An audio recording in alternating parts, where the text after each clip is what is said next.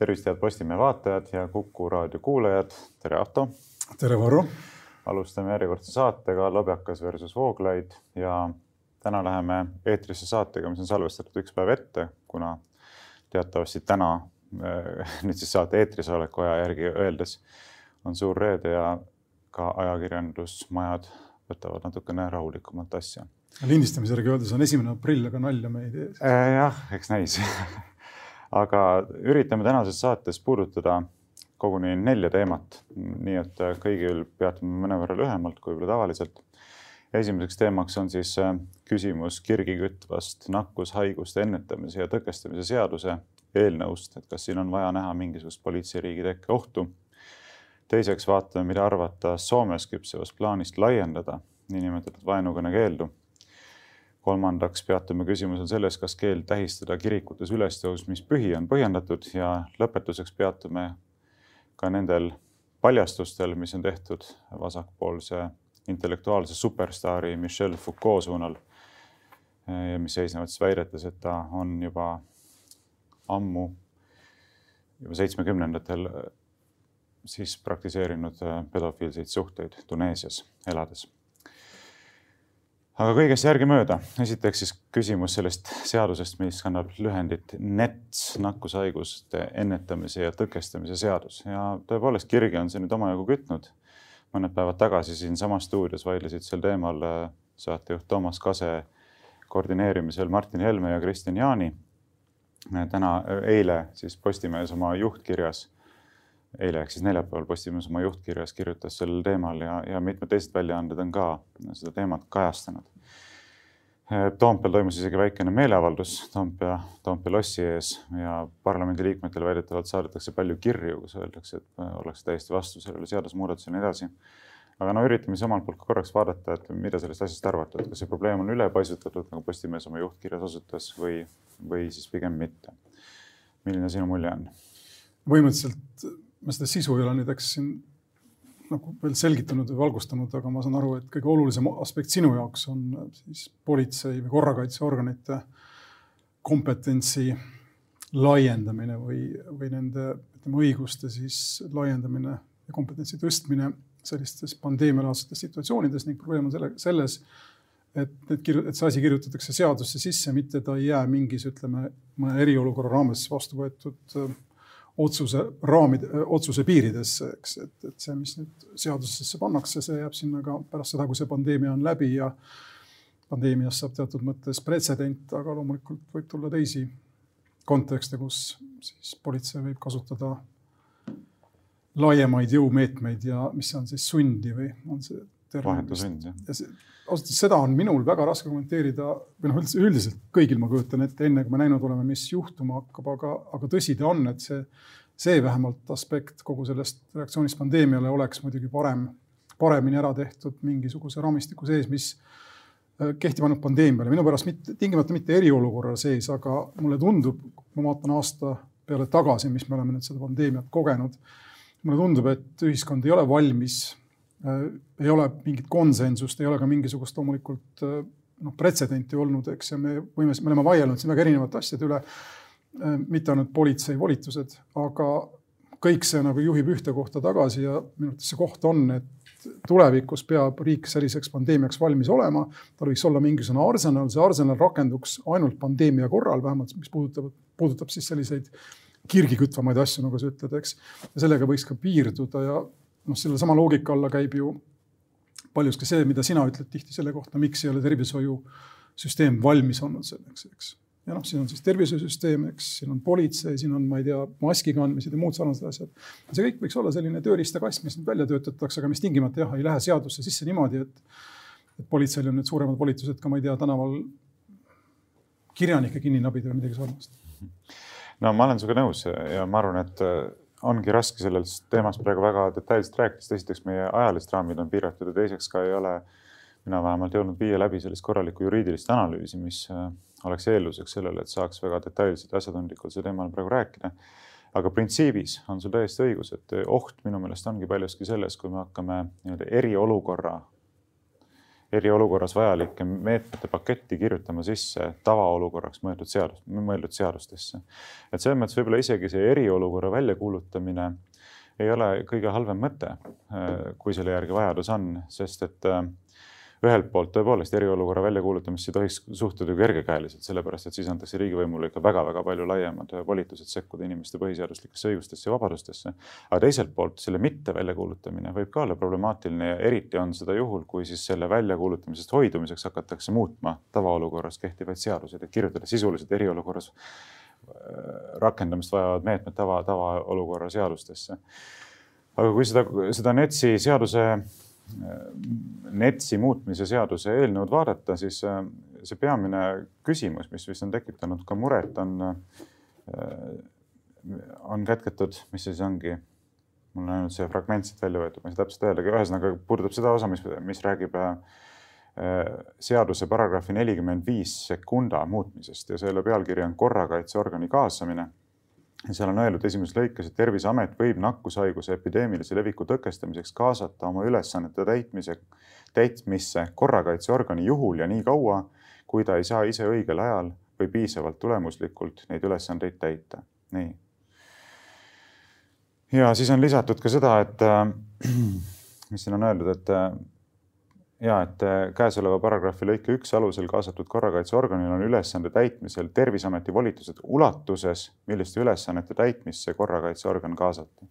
ehk siis äh, ma saan aru, et, äh, et, et see kaasamisest, kaasamisest tulenevalt ei saa tulla laiemad volitused kui see, mis Terviseametil endal on ja, ja milliste ülesannete kaasamiseks siis politsei kaasati üleüldse aga omamoodi huvitav on ka see, et viiendas lõikes lisatakse, et kui Terviseamet kaasab ülesannete täitmisse Politsei- ja Piirivalveameti, siis ülesannetesse kaasatuna saab Politsei- ja Piirivalveamet kohaldada vahetut sundi.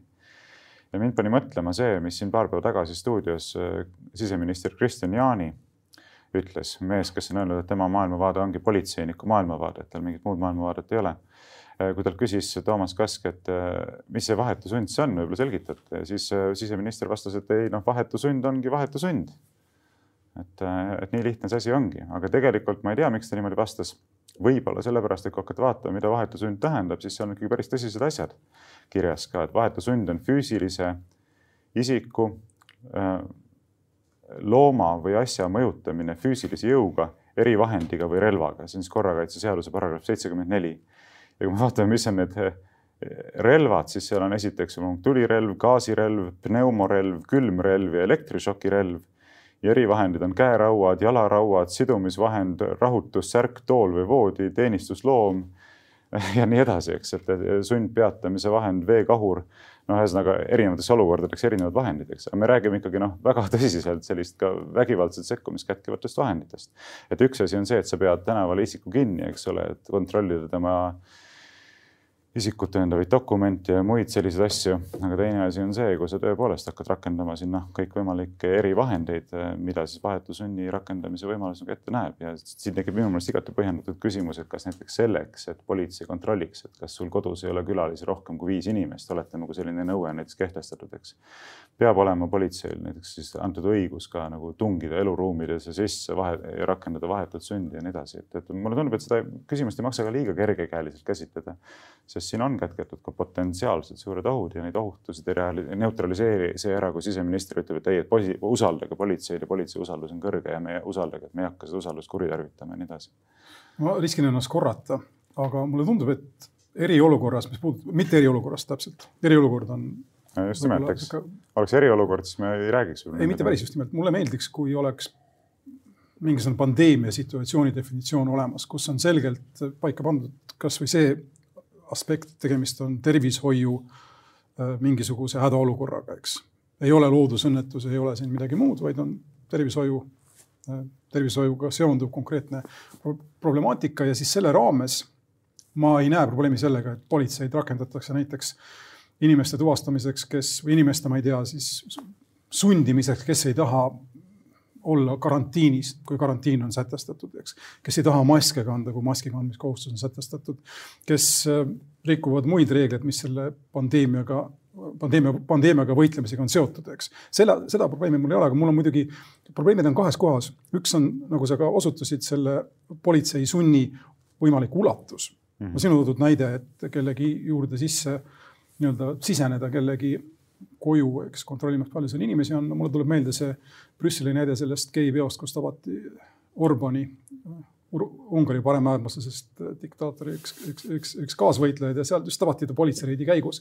mul ei ole iseenesest probleeme mitte sellepärast, mul ei ole üldiselt laiemat, laiemalt probleeme ka sellega, et politsei aeg-ajalt siis enda jõudu niimoodi rakendab, see ulatus on muidugi vaieldav, eks, aga kus mul tekib põhimõttelisem probleem, kui ma seda teemat nagu peas veeretan, põhimõtteliselt selline pretsedendi loomine, millega ütleme nüüd Terviseamet saab antud juhul mingid õigused, võib-olla tekib siin mingisugune teistsugune hoopis loomult teistsugune hädaolukord, näiteks moraalne, kõlbeline hädaolukord, Eesti Kirikute Nõukogu või mis iganes see amet on, vabandust, ma nüüd julgen nüüd öelda, kas ma nimetangi toimivat institutsiooni, aga ütleme, et meil on mingi selline nõukogu, mis otsustab, et on vaja moraalinõudeid hakata Eesti ühiskonnas rangemalt äh, jälgima ja selleks siis valitsus võtab selle selle seaduse praegu, eks, ja kirjutab sinna sisse, et kui kirikute nõukogu tahab, siis politsei teeb seda, teist ja kolmandat, et inimesed ei käiks paljaste rindadega, midagi sarnast. ühesõnaga, selles mõttes ma küll näen, et võim äh, laiendab. paljaste rindadega võib käia, peaasi, et palju näoga ei käi. peaasi, et, peaasi, et mees on ähm, aga noh, pointi, sa saad pointist aru, ma loodan, eks, et, et sedasama printsiipi on võimalik ka rakendada sektoriti, eks, ja kui sa ühe sektori avad,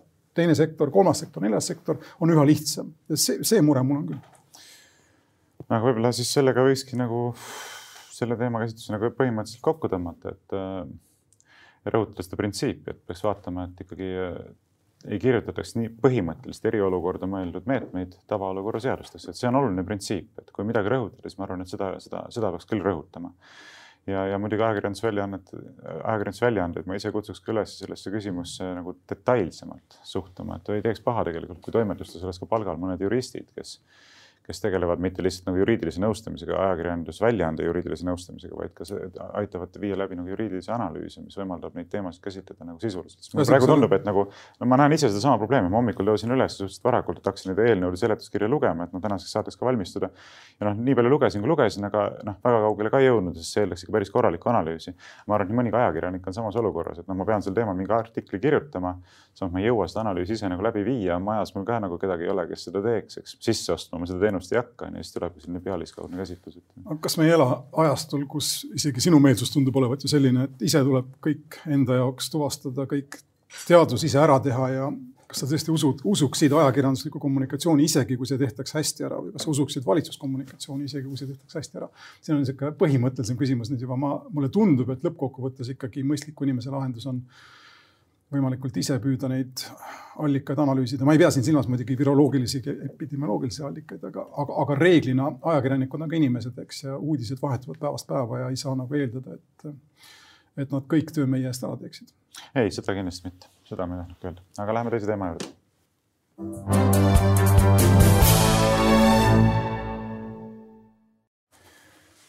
ja teiseks teemaks on siis küsimus sellest, mida arvata Soomes küpsevast plaanist laiendada niinimetatud vaenukõne keeldu. Äh, muuseas, äh, võib-olla ei teeks paha alustada ka sellest, et äh, vaadata, milles see vaenukõne keelu laiendamise plaan siis seisneb. ERR seda uudist vahendas, kes tahab, leiab selle kindlasti ise üles sellest nädalast, see oli mõne päeva tagune uudis. ja siis Soome regionaalminister Sirpa Paatero määratud töögrupp alustas avaliku nõukoja koostatud ettepanekute põhjal vihakõne täiendava piiramise läbivaatamist. nõukoda esitas aruande, mille eesmärk on riigis vihakõne likvideerida. aruandes on kakskümmend viis soovitust ja Regionaalministeeriumis koostatud töögrupi soovituste kakskümmend viis soovitust Regionaalministeeriumis koostati töögrupp soovituste võimalikuks rakendamiseks ja ma ei tea, võib-olla ma nimetan mõned need ettepanekud, mis nad seal tegid, et siis on hea neid lähemalt kommenteerida esiteks on siis pandud ette luua usaldusväärne organisatsioon, mis annaks teada vihakõnest õiguskaitseorganitele. ehk siis ma saan aru, et nagu põhimõtteliselt selline organisatsioon, mis monitoorib erinevaid väljaütlemisi, siis raporteerib sellest politseile ja prokuratuurile. samuti soovitati luua internetitrollide vastane tegevus, trollivastane armee ehk siis selline riiklik kommenteerijate seltskond, kes siis käib igal pool Facebookis ja portaalide kommentaariumides siis nii-öelda õigeid arvamusi väljendamas, tegutsedes minu arvates sellise riikliku ideoloogia töötajate armeena. Vene vihakõnelejatega kokku puutudes ütlevad nad otse, et tegemist on vihakõnega ja see pole lubatud. ja väga huvitav on see, et vihakõne piiramise eesmärk on ettepanekute kohaselt elavdada arutelukultuuri. nii et siis see, kui äh, luua riiklik äh, amet, mis esitab politseile ja prokuratuurile pealekaebusi inimeste suhtes, kes siis äh, satuvad oma arvamuste väljendamise pärast, millega ei ole mitte kellelegi mingisugust kahju tekitatud ega ka mingisugust ohtu otsest tekitatud kriminaalmenetluse alla, peaks nende inimeste arvates elavdama arutelukultuuri. No siin võib veel rääkida päris paljusid asju, et siin on nüüd äh, need igasugused ettepanekud, mis on tehtud, on väga-väga muljetavaldavad, aga kuni sinnamaani välja, et äh, kuidas siin äh, uudise lõpus on öeldud, et aruande koostajad leiavad samuti, et poliitikud peavad andma eeskuju ja vältima vihakõnet. see oleks ka tingimus valimistel kandideerimiseks ehk kui politsei, kui, kui inimesed on väljendanud ennast sellisel viisil, mis on arvatud vihakõneks, siis nad peaksid minetama õiguse üleüldse olla valitud poliitilistele ametikohtadele. et noh, minu lühikokkuvõte on see, et äh, sa nimetasid siin ennem, ma ei tea, ilmselt pooleldi, äh, ma ei tea, võib-olla mitte naljatades Ungari pea, peaministrit Viktor Orbanit paremäärmuslasest äh, diktaatoriks, siis mulle paistab silma siit, et Soome on muutumas selliseks vasakäärmuslikuks diktatuuriks, sest kogu see käekiri on ikkagi väga tuttav pigem Nõukogude Liidust. jah, siin on meile kõigile, kes me Nõukogude Liidus oleme elanud, teatavaid selliseid äratundmiskohti sõnatummisrõõme. või siis kurbusi, aga jah, sõna netimalevlased torkas mulle pähe, kui ma sind kuulasin.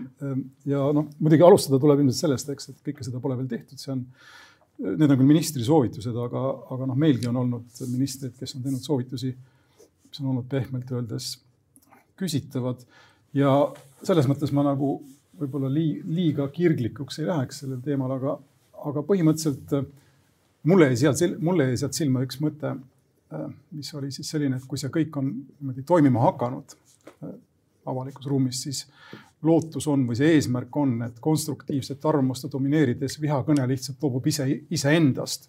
kuidagi noh, näeb, et tal pole ruumi ja siis inimesed enam ei, ei, ei tee vihakõnet, eks no need inimesed ei ole selgelt Foucault lugenud, kes, kes niimoodi arvavad ja no enamus äh, meist, ma usun, on samal arvamusel, ükskõik, kas nad on Foucault lugenud või ei ole, aga selge on see, et et, et noh, midagi, mida Hansa Luik mõtles siin paarkümmend aastat tagasi Delfi kommentaariumist, kui ühiskonna ajust ei saa kunagi teoks saada ja ei ole niisugust asja nagu, nagu konstruktiivse arvamuse võime suruda vihakõne välja tänases maailmas. see rong on ammu läinud ja kes sellest aru ei saa, see on määratud noh, kahjuks sellise, sellisele rahmimisele, aga äh, jah, mida ma nüüd, jättes välja selle poliitikute valimiskünnise või kriteeriumi seadmise, see on omaette teema ja siin ma olen sinuga nõus, see, siin see on väga problemaatiline, ükskõik millise poliitikuga oleks tegemist, välja arvatud siin spetsiifilised juhud, ütleme niimoodi, et ma ei heida näiteks Saksamaal ette, kui nad ühtegi otsest neonatsi valimist, valimistel ei lase või kedagi, kes ütleb, et Adolf Hitler peaks tagasi tulema või noh, see on iga ühiskonna enda otsustada ja mulle tundub isiklikult, et need on vajalikud reeglid. ja ka, ja ka ilmselt meil oleksid vajalikud. aga kui me räägime üldisemalt vihakõne fenomenist, äh, siis mis mind üllatab, on see, kui äh, kergesti meil on ununenud see, kui uue fenomeniga on meil tegemist selle vihakõne puhul ja selle vihakõne puhul on meil tegemist fenomeniga või nähtusega, mida ei olnud olemas kolmkümmend aastat tagasi, võib-olla isegi kakskümmend aastat tagasi. ta on tulnud ainult tänu sellele, et sotsiaalmeedia, internet on avanud äh, noh, inimese privaatse ruumi, kaotanud ära piiri selle privaatse ruumi ja avaliku ruumi vahel ning selle piiri peal või selle piiri leidmisega me nüüd tegeleme ja võib-olla seda ei leiagi, sest et need on kaks täiesti erinevat printsiipi, mis siin kohtuvad. see avalik ja privaatne ruum, eks, aga ütleme kolmkümmend aastat tagasi, aastal tuhat üheksasada üheksakümmend, võtame nüüd suhteliselt nagu laest mingi numbri.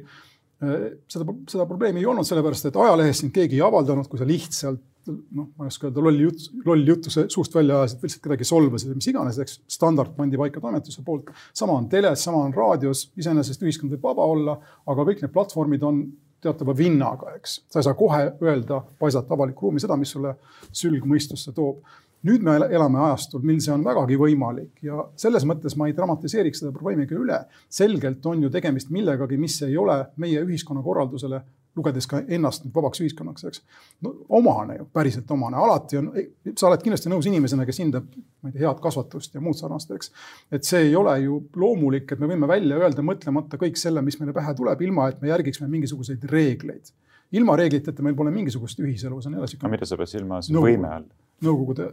kas võime nagu kultuuriliselt võetuna või võime Mine... juriidiliselt? ma mõtlen mõlema vahepealset, ütleme sellist kohta, kus äh, rakendub mingi sanktsioon kas see on nüüd seaduse sanktsioon, ma ei ole päris kindel, et see peaks olema, aga mingi sanktsioon ju ütleme aastal üheksakümmend rakendus, kui sa tahtsid öelda, näed, ma ei tea, siin teine inimene on noh, ilmselgelt loll ja kuu pealt kukkunud, sest ta arvab valesti, eks. kui sa sihukese argumentatsiooniga tulid ajalehte või televisiooni, sind ei last-, sa ei ületanud uudiskünnist no ma arvan, et siiamaani see paljuski nii ei ole. ja, aga sa võid seda teha põhimõtteliselt oludes, kus näiteks sinu, ütleme, tweet saab jagatud kolme tuhande inimese poolt ja see on, kas sulle meeldib, kas teisele inimesele meeldib või mitte, see on avaliku nii-öelda suhtluse fakt. selles on ju küsimus, me räägime internetifoorumitest, me räägime Twitterist, me räägime siin Facebookist, Snapchatidest, ma ei tea, millest veel ja see on uus fenomen ja ma ei usu, et kui sa järele mõtled, sa oleksid minuga täiesti eri meelt siin. ei, siin on kahtlemata probleem olemas, mille üle mõelda, sellepärast tõesti, et äh, on võimalik kuritahtlikult äh, kasutada sõnavabadust äh, ka viisil, mis tekitab reaalseid probleeme. ei, aga ma mõtlen veel aga... lihtsamalt, ma mõtlen seda, et inimene on, jällegi, meenutasid Nõukogude aega, inimene on ebakultuurne. kas teda on vaja lasta avalikku ruumi? kas selleks oleks vaja mingisugused meetmed, mitte tingimata politseimeetmed? No jaa, aga see ei puuduta ainult ju sõnakasutust, see puudutab ka näiteks, miks mitte siis näiteks ka riietust või käitumist üleüldiselt, eks ole, et, et kas ja. on vaja inimene lubada tänavale näiteks, kui ta ei oska käituda. aga sa oled ju nõus, et mingid reeglid peavad olema, eks? no mingid reeglid peavad olema, aga ma oleksin väga ettevaatlik nende reeglite lati nagu kõrgemale viimisele, viimisega, eriti mis puudutab sõnavabadust, sellepärast et siin on väga, väga lihtne nagu liikuda tasakaalupunktist üle nagu väga valesse äärmusesse, teise äärmusesse, väga kaugele teise äärmusesse, näiteks Mikk Salu osales siin sel nädalal saates Suud puhtaks ETV-s ja meenutas seda, kuidas ta kahe tuhande kaheteistkümnendal aastal osales juba justiitsministeeriumis toimunud ümarlaua arutelul, kus siis toona juba arutati küsimust sellest, et kas peaks laiendama seda vihakõne keeldu ja kuidas seda peaks tegema. ta ütles, et näiteks Eesti Inimõiguste Keskus oma esindajate kaudu äh, väljendas, tõstatas selgelt küsimuse, et kuidas saaks seadust muuta nii, et Varro Vooglaid äh, noh, saaks vangi panna. kuidas saaks Varro Vooglaiu vangi panna? Et, et see ei ole mingi minu väljamõeldis, eks see räägib Mikk Salu, kes on hinnatud, tunnetatud ajakirjanik ja reaalselt viibis nendel ümarlaua aruteludel, et niimoodi oli. Ja, ja, ja et seda nõuab, eks ole, Eesti Inimõiguste Keskus kes saab Sotsiaalministeeriumilt suurt rahastust, saab selle Sorose käepikendusena tegutsevalt, tegutseva Avatud Eesti fondi kaudu suurt rahastust, eks saab Euroopa Liidult rahastust ja väidab ennast olevat ise nagu inimõiguste eesseisja Eesti ühiskonnas. see näitab, midagi on väga valesti. mina pean näiteks elama sellise teadmisega, et on mingi konkreetne riiklikult rahastatud seltskond, kes tegutseb selle nimel, et seadusi saaks muuta nii, et mind ja minu mõttekaaslase sarnaselt mõtlevad ja tegutsevad inimesed saaks vangi panna. et see näitab, et, et tegemist on väga tõsise ja reaalse ohuga, see ei ole mingi väljamõeldis. ja kui me Soomet vaatame ka, no siin saates ma olen palju kordi maininud ja mainin edaspidi ka, et see Päivi Räsase kaasus on väga-väga hoiatav. eks, et inimene on vähemalt kolme või nelja erineva kriminaalmenetluse all peaprokuröri nõudmisel selle tõttu, et ta on väljendanud lihtsalt piiblis kirja pandud seisukohti seonduvalt inimese seksuaalsuse ja seksuaaleetikaga no spetsiifilisemalt seonduvalt sellega, mida arvata homoseksuaalsete suhete moraalsusest, eks. et mida iganes keegi arvab nendest asjadest, eks sa võid öelda, sul on õigus, sul ei ole õigus, peame sinust lugu, me ei pea sinust lugu, aga nüüd ma arvan, et sa oled ju minuga ka nõus, et sellepärast ei peaks inimesi küll andma nagu kriminaalmenetluse alla, mis on ise juba ju karistus ja noh, see on lihtsalt väga hea indikatsioon, et kuhu kogu see projekt liigub, see on nagu selline džinn, sa lased ta pudelist välja ja ta hakkab oma elu elama, et nüüd me näeme, et Soomes on, eks ole, see juba kriminaliseeritud, juba represseeritakse tegelikult inimesi lihtsalt oma seisukohtade väljendamise pärast, mida kriminaalmenetlus juba on, nagu juba öeldud. aga nad tahavad, ikka veel on vähe, vähe on, et palju rohkem on seda head, head asja vaja ja tuleb neid igasuguseid äh, meetmeid veel rohkem karistusele, kasutusele võtta, et saaks selle vihakõne ühiskonnast välja juurida. muuseas, väga huvitav on ka see, et siin ERR-i artikli kohaselt lõpparuandes soovitati ka rangemaid karistusi ning lisada üks karistusmeede, mis võiks olla sunnitöö. et ühiskondlikult kasulik töö peaks ka olema mitte ainult vangistus või rahatrahv, vaid ka siis nagu põhimõtteliselt sunnitööle saatmine, mis nagu selles mõttes eriti alandav vorm, eks. mille eest? selle eest, et sa oled väljendanud seisukohti, mis on lihtsalt arvatud ideoloogiliselt valeks. et noh, ma väga vabandan, aga sellel ei ole mitte midagi pistmist vaba ühiskonna mustriga nüüd sa sunnitöö mõiste devalveerisid siin praegu, aga olgu. nojah, ma ütleme natuke vabalt kasutasin seda varsti on küüditamine ka midagi sellist, et sind saadetakse. no ma ütlesin, et see on ühiskondlik kasulik töö, sunnitöö, no tegelikult sisuliselt on tegemist sunnitööga, mis ta siis on. okei okay,, ma ei vaidle, lihtsalt mulle, mul on üha rohkem see nõukogude vibe siin praegu sees ja ma selle pealt nagu kergelt tripping, kui nii tohib öelda. igal juhul ähm, ma jaotaks selle teema või ütleme, selle sinu praegu kaardistatud ala tegelikult kolmeks. Äh, üks on, ma ei tea, Varro Vooglaid, eks, kui fenomen või kui arvaja ja minu arvates ei saa keegi keelata kellelegi ka Eestis ega üheski avatud ühiskonnas noh, tahtma tahta elada, ma ei tea, üheksateistkümnenda sajandi elu või tahta elada mingisuguses ususektis või tahta elada mingisuguse moraalikoodeksi järgi, mis järgib avalikke reegleid selles mõttes, et ta ei kujuta endast ohtu ega ka noh, ei välista kedagi teist, ütleme siis seaduse tasandil, eks. ja no ma ei tea, kui sa tahad elada nagu Amishit, mis mulle tundub, et on sinu teatud mõttes nagu äh, ideaalmaastik, siis palun väga, samamoodi sa keegi elad, kellelegi elamist ortodokse juudina või minu pärast ka ortodokse moslemina, seni kuni ta ei, seni kuni need inimesed ei tee kahju teistele. peaasi, et ei ela nagu Michel Foucault no sinna me jõuame, aga põhimõtteliselt siin ma olen nõus sinu, selle sinu kriteeriumiga, et seni, kuni otsest ohtu kellelegi ei esine, siis ma ei näe selliste vaadete oma, oma, omamises ega nende avalikust ütleme nende väljendamises mingit probleemi. kus ma näen probleemi, on netisõim ja kõik see, mis tuli meile kommentaariumide ja igasuguste selliste foorumite ja muu sarnasega, kus puudus või kus ei rakendatud korralikult äh, modereerimist, eks. inimesed ütlevad välja selle, mis sülg neile pähe toob. see on minu arvates fenomen, millel ei ole õigustust ja see on see, millele ma viitasin põhiliselt, kui ma ütlesin, et kakskümmend aastat tagasi seda ei olnud ja minu arvates seda ei tule ka nüüd sellele mingit õigust, vabadust, vabadust anda. see ei ole inimese mingi loomuõigus, et ta saab netis kirjutada, mida tahab. see tuleb minu arvates ära unustada ja siin tuleb midagi ette võtta, aga see on selline labane netisõim, mille eesmärgiks on kellelegi teha halba, mitte tingimata füüsiliselt, aga kasvõi noh, siin tuleks lugeda, ütleme siis asjad nagu äh, draama Loodan, et sa maa muna pealt ära kaod ka reaalselt noh, kui mitte ähvardusteks, siis asjadeks, millega inimene, mille inimene teeb ükskord ja teinekord tuleb, keegi ütleb talle juba, et ära rohkem tee või midagi juhtub. ja kolmas teema muidugi puudutab siin poliitikuid ja ka, ka avalikke arvajaid, kes väljendavad oma vaateid, aga need vaated siis on sellised, mis selgelt väljuvad meie ühiselu normide piiridest ja andke andeks, siin on antisemitism, avalik antisemitism, mis ei tohiks olla lubatud meie avalikus ruumis.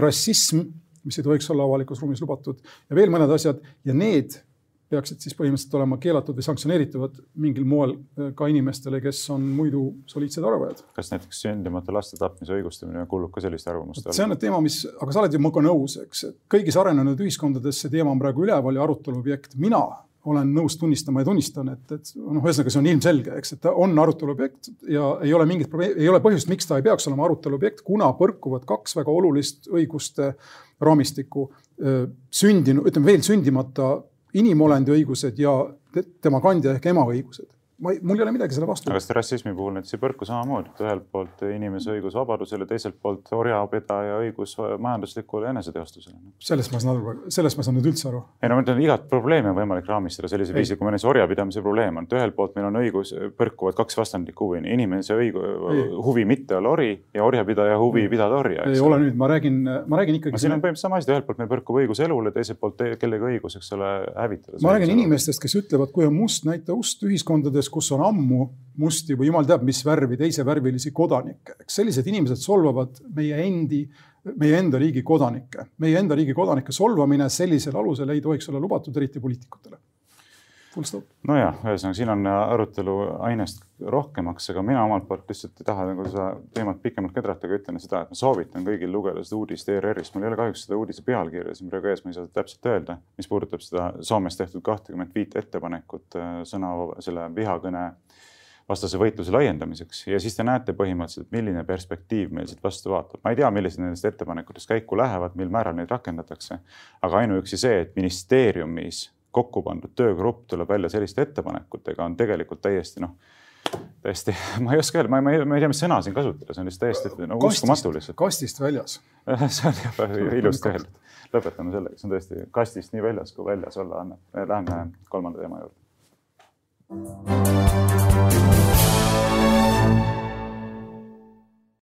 nii ja kolmandaks teemaks, nagu öeldud, siis keeld tähistada kirikutes ülestõusmispühi liturgia pühitsemisega. et iseenesest on ikkagi päris mõtlemapanev, et me elame nüüd teist aastat järjest tingimustes, kus valitsus on keelanud ära ülestõusmispühade tähistamise, tegemist on kristlaste jaoks aasta kõige suuremate pühadega.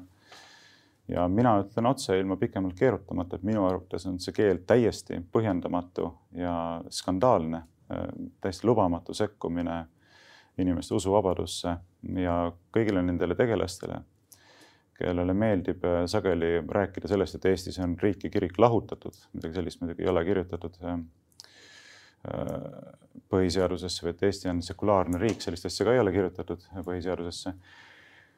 võiks tulla kasuks mõelda nüüd ka selle peale, et kui öeldakse, et kirik kiriku esindajad ei tohiks sekkuda näiteks poliitilistesse asjadesse, siis kas see printsiip peaks toimima ka teistpidi, et poliitikutel ei ole õigust kergekäeliselt sekkuda kiriku enesekorraldusse?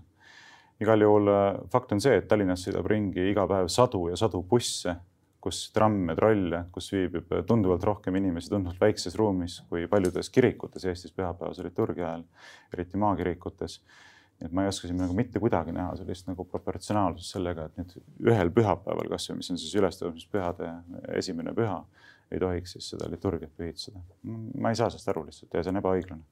ma ei taha seda probleemi pisendada kuidagi, aga ma pean tunnistama, et olles pärit usu kaotanud luterlaste soost, vähemalt mina pole ise kunagi uskunud, aga sellest traditsioonist ma. kunagi pole hilja veel usk üles leida. ma oskan soovitada ainult seda, et piibliga tutvuda kuidas öelda nüüd siis personaalsel baasil igaüks, igaühel on otseteed pärast luterit, eks Jumala juurde ja selles mõttes kirik nagu kaotab mõtte, välja arvatud siis jah, teatava sellise kogukondliku rituaalina muidugi, mida ma ei, mille tähtsust ma ei taha tingimata pisendada, aga mulle tuleb praegu mõttesse see Saksa või see Prantsusmaa eri, eriolukord, mis kuulutati eile välja või kuulutatakse vist, ta algab kolmandast aprillist, eks, ja seal ei ole sellist keeldu just usuorganisatsioonidele, aga Äh, mis, mis sulle ka võib-olla väga ei meeldi, seal on võrdsustatud põhimõtteliselt lihavõttepühad ja Ramadani algus. mõlemad on siis lubatud vabalt, ainult äh, loodab, lootis president enda eilses kõnes, äh, et ei toimu koduseid ja muid kogunemisi, mis tavaliselt saadavad selliseid alguseid või ütleme siis tähistamisi ja kirikute osas on, on kõik okei okay. ja nagu ka siis mošeedes käimise osas ja tuleb tunnistada, et kui vaadata lääne analüüsi selle, selle kohta, mis on, kus on kõige suuremad ohuallikad viiruse levitamiseks, siis on see koolid, koolid ja koolid. Jah, sind kuulates ma jäin mõtlema, et näed, et võib-olla nüüd on üks kord, kus kristlastel on ka kasu midagi sellest, et riigis on ulatuslik moslemi kogukond, sellepärast et moslemid ilmselt ei laseks ennast niimoodi üle sõita, et lihtsalt keelatakse ära selle Ramadani alguse tähistamine ja kuna valitsus ei saa diskrimineerivalt lubada seda teha moslemitele, aga mitte kristlastel, siis tuleb kristlastel ka lubada ülestõusmispühi tähistada, et huvitav, kas selline arutluskäik võib ka kuidagi adekvaatne olla või mitte. tead, kus sa eksid, on see põhimõtteline nagu noh, kuidas öelda nüüd selle moslemi kuju ülesehitamine millekski palju suuremaks, kui ta inimesena tegelikult on või, või ütleme siis mingi riigi või mingi ühiskonna liikmena. reeglina sellised inimesed on väga seaduskuulekad.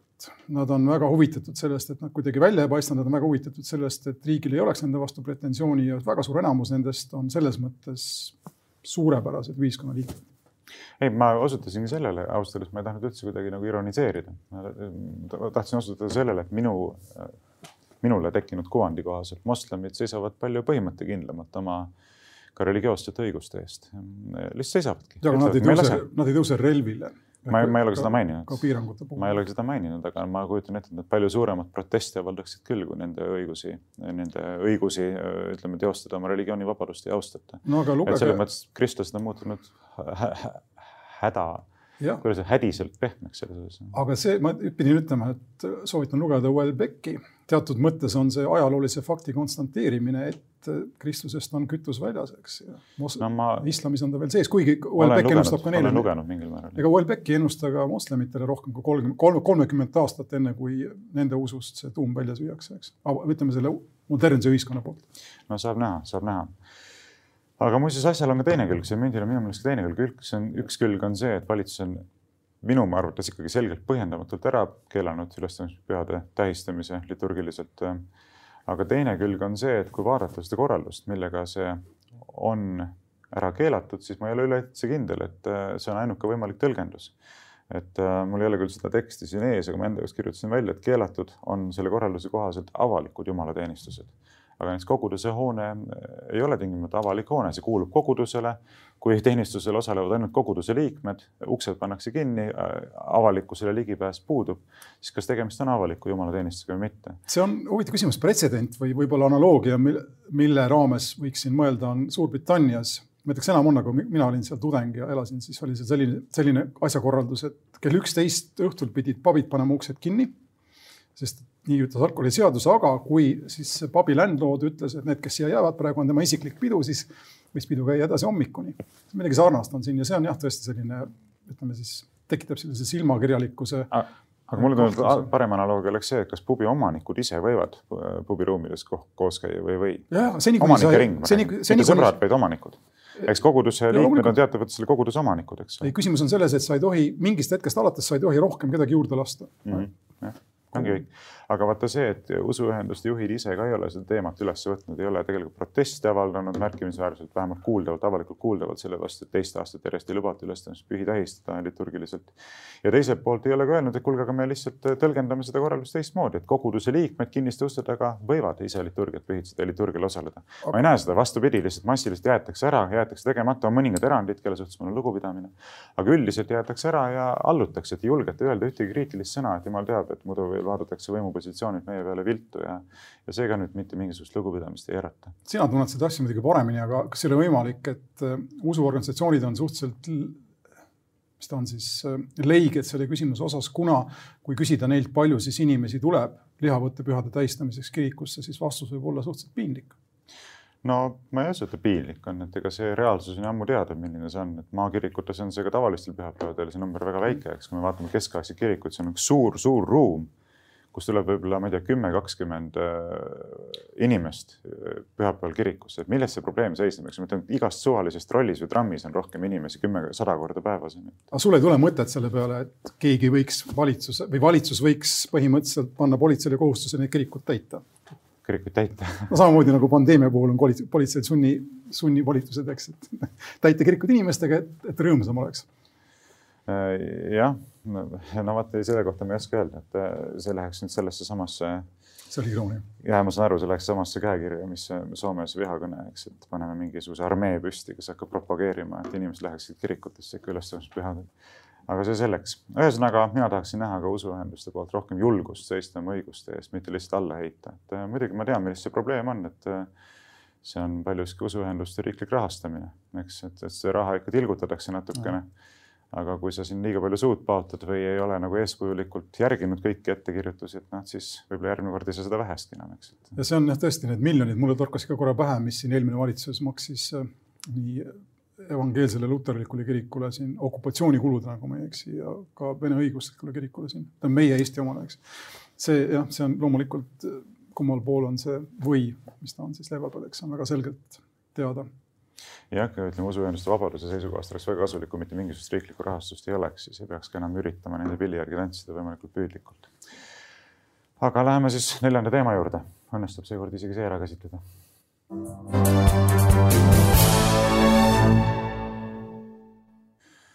ja neljandaks teemaks, nagu alguses välja hõigatud, on siis küsimus sellest, mida arvata sel nädalal toimunud paljastustest. nimelt Guy Sormani nimeline haritlane on tulnud välja paljastustega, et juba see oli siis äh, kuuekümnendate lõpus, kuuekümne üheksandal või seitsmekümnendal aastal, kui külastati Michel Foucault Tuneesias, siis sai äh, temale teatavaks asjaolu ja tegelikult ka paljudele teistele teatavaks asjaolu, et, äh, et siis vasakintellektuaalne superstaar mm, osales või kasutas seal ära kohalikke lapsi selleks, et astuda nendega seksuaalsetesse suhetesse, et äh, Foucault oli teatavasti homoseksuaal ja sellele eelistusele vastavalt siis kasutas ta ka ära poisse, väidetavalt isegi kaheksa-üheksa aastaseid poisse, kellega ta kohtus siis surnuaial, et nendega, nendega seksuaalsuhetesse astuda. Ja, ja noh, kõik see muidugi on tõstatanud põhjendatult selle küsimuse, et kui nüüd äh, see tühistamiskultuur mis äh, ülikoolides vohab ja nendes samades ülikoolides, kus Foucault käsitletakse suure kangelasena, rakenduks kõigile ühtemoodi, siis peaks ju tegelikult see rakenduma ka Foucault enda suhtes ja peaks põhjendatult tõstatama küsimus, et kas Foucault ei tuleks nüüd hakata tühistama ja arvata ta välja igalt poolt õppekavadest, kuna sellise rõhu ja käsitlemine eeskujuna ei tohiks ju sellesama mõttemudeli kohaselt kuidagi aktsepteeritud olla või mis sina arvad? Oo oh jah, see on selline teema, mille jaoks muidugi mulle meeldiks, et meil oleks nelikümmend viis minutit ja muud, muust me ei räägiks, aga äh, alustades sellest äh,, millega on siis tegemist, see Guy Zoman on, ma saan aru, Ameerika-Prantsuse päritolu autor, mingit sorti kultuuritegelane, kes Foucault külas käis seal Tuneesias ja kes ise kõike seda pealt nägi, kes aga ütleb ka enda intervjuus The Sunday Timesile, et tal on kahju, et ta siis politseisse läinud, järelikult on ise sellest vaikinud viiskümmend aastat, mingisugust juriidilist tõekriteeriumit siin kunagi äh, või tõe, ütleme lävendit siin ületatud ei saa, sest et need ohvrid väidetavad ohvrid siis on vanurid, Foucault ise on ammu surnud ja vaevalt, et kellelgi millestki pilte on, eks. selles mõttes me räägime tõestamata, igal juhul tõestamata jäävatest süüdistustest ja neid loomulikult võib teha noh, igalt poolt, eks. selge on see, et Foucault oli homoseksuaal ja selge on see, et ta, ta tegi ka kampaaniat selle nimel, et laste või see, see, see nõusoleku iga siis viia neljateist aasta pealt kolmeteist aasta peale ja iseenesest tal on mõistlik põhjendus ja see mõistlik, see põhjendus jääb mõistlikuks sõltumata kõigest muust, see on siis see põhjendus, et kolm, ühesõnaga kõik see, see number on tegelikult ju suvaline piir, eks. Laste areng on väga erinev ja, ja üldiselt puberteeti, puberteedi algust seksuaalse, ütleme siis küpsuse algust lõuna, lõunapoolsetes riikides loetakse palju varasematest aastatest kui näiteks meil ja siin pole ka midagi parata. Äh, ma kunagi vist mainisin ka siin äh, Paštuni, Paštuni poisid saavad äh, püssi kaheteistaastaseks saades ja eeldatakse, nad on mehed. mul, mis mulle ei meeldi, on see sinu jälle see viide homoseksuaali, homoseksuaalsusele, kui jutt käib laste ärakasutamisest, keegi ei räägi selles kontekstis Kagu-Aasias voolavas Euroopa pornoturismis, mille, mille objektiks on lapsed ja tavaliselt tüdrukud, eks. ja noh, ma tahaks, mulle meeldiks, kui kogu see teema, temaatika võetakse ette siis juba täies, täie rauaga, ma ei tea, palju Eestis on see probleem, aga arenenud ühiskondades vanemad mehed käivad väga tihti, käivad siiamaani seal.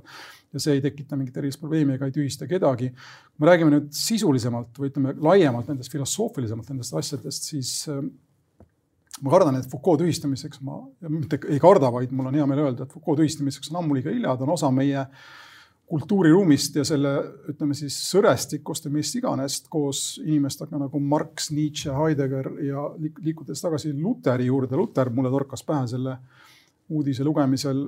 Äh, ta elas, ta elas viissada aastat tagasi, eks, sinnakanti kuueteistkümnenda sajandi äh, alguses kirjutas enda olulisemad teosed ja meil on olemas Eestis evangeelne luterlik kirik, aga vaevalt keegi mõtleb selle peale, kuidas Luteri kirjutatusse toona ja täna puutub see, et ta oli aktiivne antisemiit, ta ei sallinud juute, eks, kuidas see võiks siis ka peegelduda sellel, selles, mida me arvame Luterist tänapäeval, ega ei peegeldu.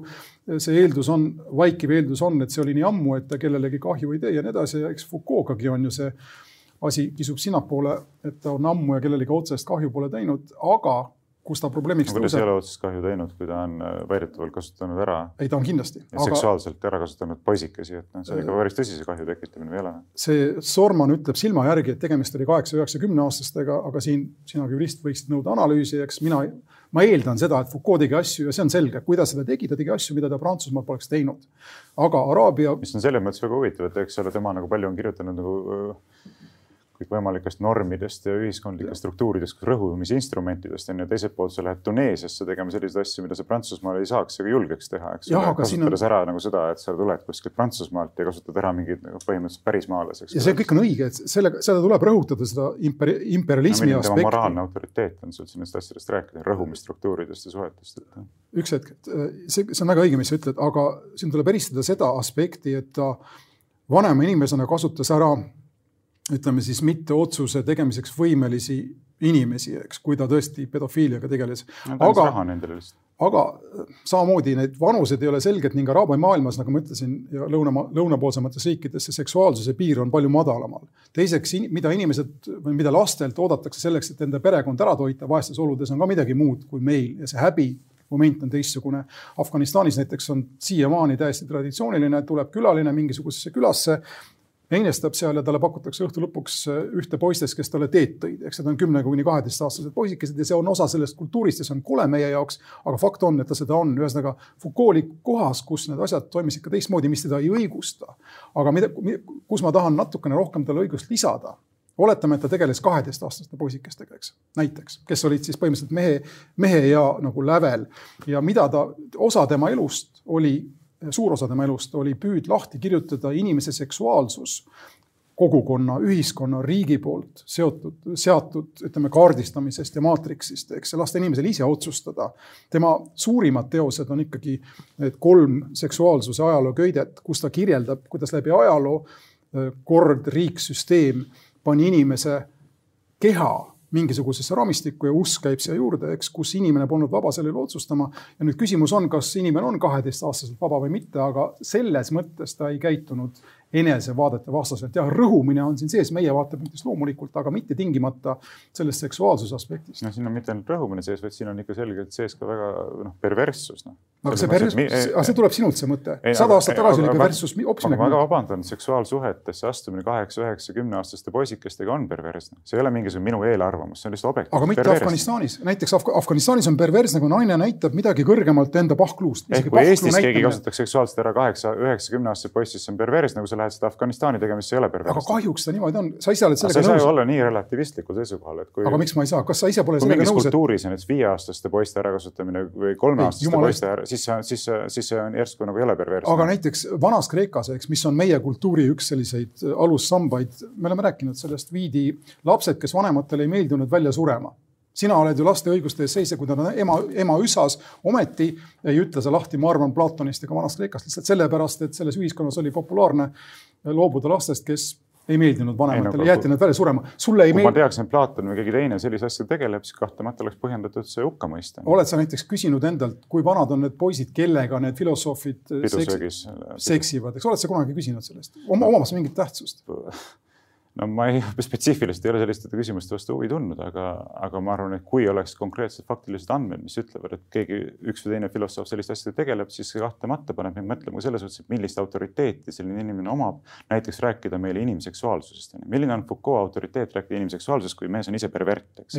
Ta räägib ainult sellest, et vabastada inimene kõigeks, mida ta ise tahab no. kõik, aga... kõik, mida talle öeldakse, on ahelad, mida ütleb religioon, mida ütleb riik, mida ütleb kogukond. ideaal on siis see, et saaks vabalt kaheksa-aastaste poisikestega seksima. ei, me ei räägi ideaalist, aga ma lihtsalt tahan öelda seda, et see kõik no, on nii, see kõik on nii, see kõik on nii suhteline, et isegi sina tundud mulle, et ei saa aru sellest, et sa elad konservatiivne liberaalsel ajastul, mil sa saad selliseid seisukohti väljendada. kakssada aastat tagasi konservatiivne isa isegi ütleme Lääne-Euroopas, eks, omas enda tütre üle, kes polnud abielus absoluutset võimu sellest hetkest peale, kui see tütar sündis, kuni ta abiellus, totaalselt. see ei vasta tõele, see, see ei vasta kohe absoluutselt tõele. intsest loomulikult oli keelatud, aga no, mida selle, mida nende lastega muidu tehti, tänase, tänasest vaatepunktist. mitte kuidagi kohut. ühiskond ei tunnustanud pereisa absoluutset võimu oma perekonnaliikmetele, see väide on lihtsalt otseselt vale, eks ole. sa ei või tappa neid, sa ei või vägistada neid, sa ei tohi neid seksuaalselt ära kasutada. ma arvan, et päris, päris kindlalt tapmise kohta kehtisid erinevad kriteeriumid päris inimese tapmisest näiteks kui sa kogemata peksid enda lapse surnuks, sind ei mõistetud süüdi samadel alustel,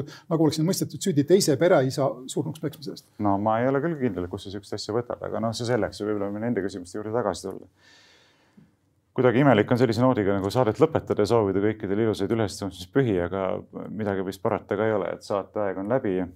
kohtume uuesti tuleval nädalal, tõepoolest soovin teile ilusaid ülestõusmispühi niivõrd, kui see nendes tingimustes võimalik on, kus me praegu elame. jah, see on kurb ja kuri, aga elu on selline, elu on väga lai fenomen, aga ilusaid pühi.